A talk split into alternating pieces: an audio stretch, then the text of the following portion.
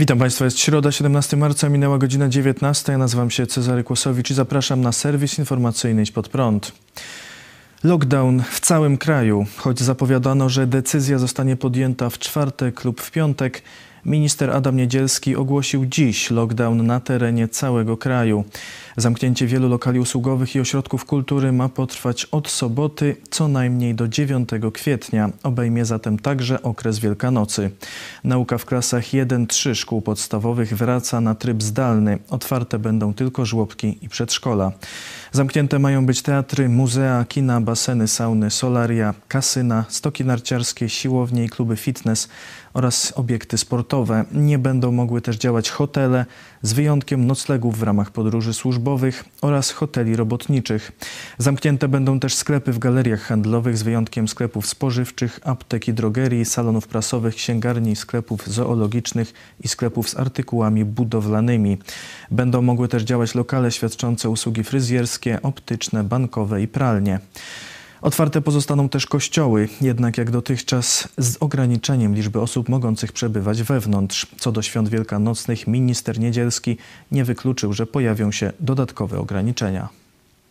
W ramach tych obostrzeń cały czas e, obiekty e, kościelne są dopuszczone do e, użytkowania. Mamy tam normatywy, które ograniczają liczbę osób przebywających w kościele. Przypomnę, że jest to jedna osoba na 15 metrów kwadratowych. Jeżeli dojdzie do dalszego, drastycznego pogorszenia sytuacji, to być może będziemy zmuszeni jeszcze w tym okresie e, podjąć kolejne decyzje, które e, oczywiście będą oznaczały wprowadzanie jeszcze większych obostrzeń. Minister zaapelował też o ograniczenie przemieszczania się i w miarę możliwości przechodzenie na pracę zdalną. Chciałem serdecznie zaapelować do wszystkich e, pracodawców.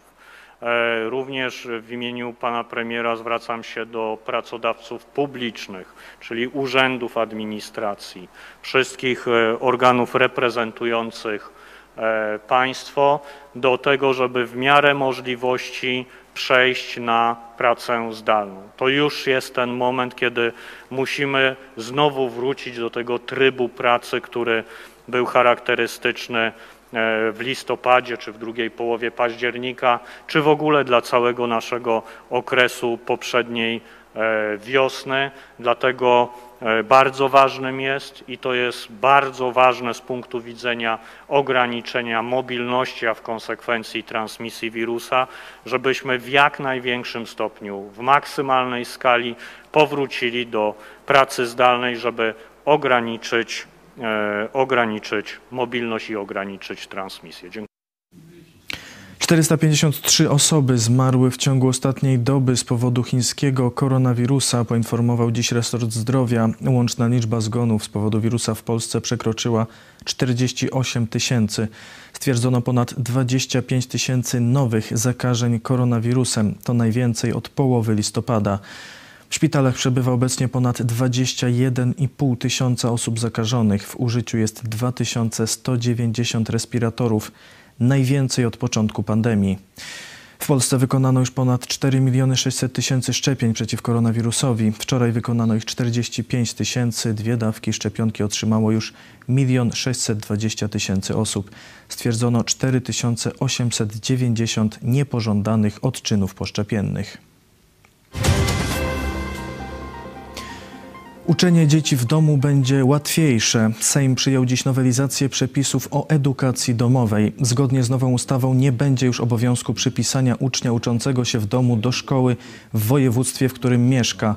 Będzie mógł być przypisany do dowolnej szkoły w kraju. Ponadto zniesiono wymóg uzyskiwania opinii poradni psychologiczno-pedagogicznej przed rozpoczęciem edukacji domowej. Trzeba podkreślić, że oznacza to powrót do sytuacji sprzed rządów Prawa i Sprawiedliwości. Za przyjęciem nowych przepisów głosowało 393 posłów, 3 było przeciw, 48 wstrzymało się od głosu. Teraz ustawa trafi do Senatu. Dzieci edukujące się domowo są formalnie przypisane do szkoły wybranej przez rodziców. Uczą się w domu, a tylko na zakończenie roku zdają egzaminy. W roku szkolnym 2019-2020 w taki sposób uczyło się ponad 10 tysięcy dzieci. W tym roku to już ponad 15 tysięcy. Daniel Obajtek chce, by prokuratura zbadała autentyczność nagrań z jego udziałem. Pełnomocnik prezesa Orlenu Daniela Obajtka poinformował o złożeniu w prokuraturze krajowej wniosku o przeprowadzenie kontroli postanowienia prokuratury rejonowej w Krakowie o odmowie wszczęcia śledztwa w sprawie tzw. Tak rzekomego składania fałszywych zeznań przez Daniela Obajtka. To ta sprawa, w której jedna z osób złożyła zawiadomienie na Daniela Obajtka wraz z taśmami, które stały się szeroko komentowanym przez media materiałem, przekazał mecenas Zaborowski. Daniel Obajtek chce przeprowadzenia badań w celu ustalenia autentyczności i pochodzenia nagrań. Prokuratura ma szereg możliwości technicznych i procesowych i mamy nadzieję, że z nich skorzysta. Jeżeli okazałoby się, że prawdą jest zarzut stawiany w przestrzeni publicznej, że te taśmy z jakichś względów nie trafiły do prokuratury bądź z prokuratury w jakiś sposób zniknęły, to materiał dowodowy musi zostać uzupełniony o te nagrania, czyli osoby, które te nagrania posiadają. Mam na myśli dziennikarzy Gazety Wyborczej. Mam nadzieję, że je przekażą, powiedział mecenas Zaborowski. Profesor UMCS Sławomir Patyra został kandydatem PSL i Koalicji Obywatelskiej na Rzecznika Praw Obywatelskich. O kandydaturze poinformowali dziś na konferencji prasowej posłowie Krzysztof Paszyk z PSL i Robert Kropiwnicki z Koalicji Obywatelskiej. Sławomir Patyra na konferencji stwierdził, że w sferze standardów ochrony jednostki w ostatnim czasie następuje w Polsce cofnięcie zachodzi w tym względzie pewien regres. On się wpisuje właściwie w pewien cały system dzisiaj bardzo niebezpiecznych sygnałów i zmian, kiedy próbuje się redefiniować pojęcia, co do których mieliśmy do tej pory niezbitą pewność przez całe lata, takie jak podział władzy, takie jak niezawisłość sędziowska, takie jak wolność, godność i równość człowieka, takie wreszcie jak apolityczność urzędów i instytucji. Patyra stwierdził, że jeśli zostanie wybrany, to w pracy rzecznika będzie się wzorował na poprzednikach, w tym szczególnie na obecnym rzeczniku Adamie Bodnarze. Wreszcie po pana profesora Adama Bodnara, który znowu swoją funkcję musiał pełnić i moim zdaniem pełnił i pełni do tej pory jeszcze oczywiście w sposób doskonały, ponieważ musi mierzyć się także znowu z bardzo, bardzo niedobrym otoczeniem politycznym funkcjonującym wokół jego urzędu. Chciałbym być kontynuatorem tych standardów, które do tej pory wyznaczyli dotychczasowi rzecznicy praw obywatelskich. Europarlamentarzyści apelują o bojkot Igrzysk Olimpijskich w Chinach. Europosłowie z partii Europejscy Konserwatyści i Reformatorzy opublikowali list otwarty, w którym wzywają do bojkotu Igrzysk Olimpijskich, które mają się odbyć w lutym przyszłego roku w komunistycznych Chinach. Jedną z sygnatariuszy listu jest polska europosłanka Anna Fotyga. W apelu czytamy: Komunistyczna Partia Chin, która zorganizuje igrzyska w 2022 roku, jest odpowiedzialna za rosnącą listę naruszeń praw człowieka w swoim kraju. Doniesienia wskazują, że prawa wielu mniejszości w tym kraju zostały odebrane od Ujgurów w Xinjiangu przez prodemokratycznych protestujących w Hongkongu po Tybetańczyków i chińskich chrześcijan. Poza kwestiami wewnętrznymi Chiny są otwarcie agresywne w stosunku do swoich sąsiadów, organizując coraz większą liczbę lotów bojowych nad terytorium Tajwanu i kontynuując politykę militaryzacji Morza Południowochińskiego. Europosłowie zaznaczają, że coraz więcej jest dowodów na ludobójstwo dokonywane w Xinjiangu przez komunistyczną partię Chin, a także na przetrzymywanie i zmuszanie do niewolniczej pracy w chińskich obozach koncentracyjnych dwóch milionów osób. Autorzy listu podkreślają, że więźniowie są poddawani masowej sterylizacji celem kontroli urodzeń wśród mniejszości etnicznych i religijnych w Chinach. Wskazują także, że igrzyska można przenieść do innego państwa charakteryzującego się większym poszanowaniem praw człowieka. Pandemia koronawirusa pochłonęła na świecie już 2 miliony 680 tysięcy ofiar, w tym 9 tysięcy wczoraj. Rekordowe liczby zgonów zanotowano w Brazylii, gdzie zmarło 2798 osób, na Ukrainie, gdzie zmarło 289 osób oraz na Węgrzech, gdzie zanotowano 195 zgonów. Niemcy ogłosiły przedłużenie kontroli na granicy z Czechami i Tyrolem o dwa tygodnie. Federalny minister spraw wewnętrznych Herst Seehofer w rozmowie z gazetą München Merkur powiedział, że powodem decyzji jest obecność mutacji koronawirusa w tych regionach.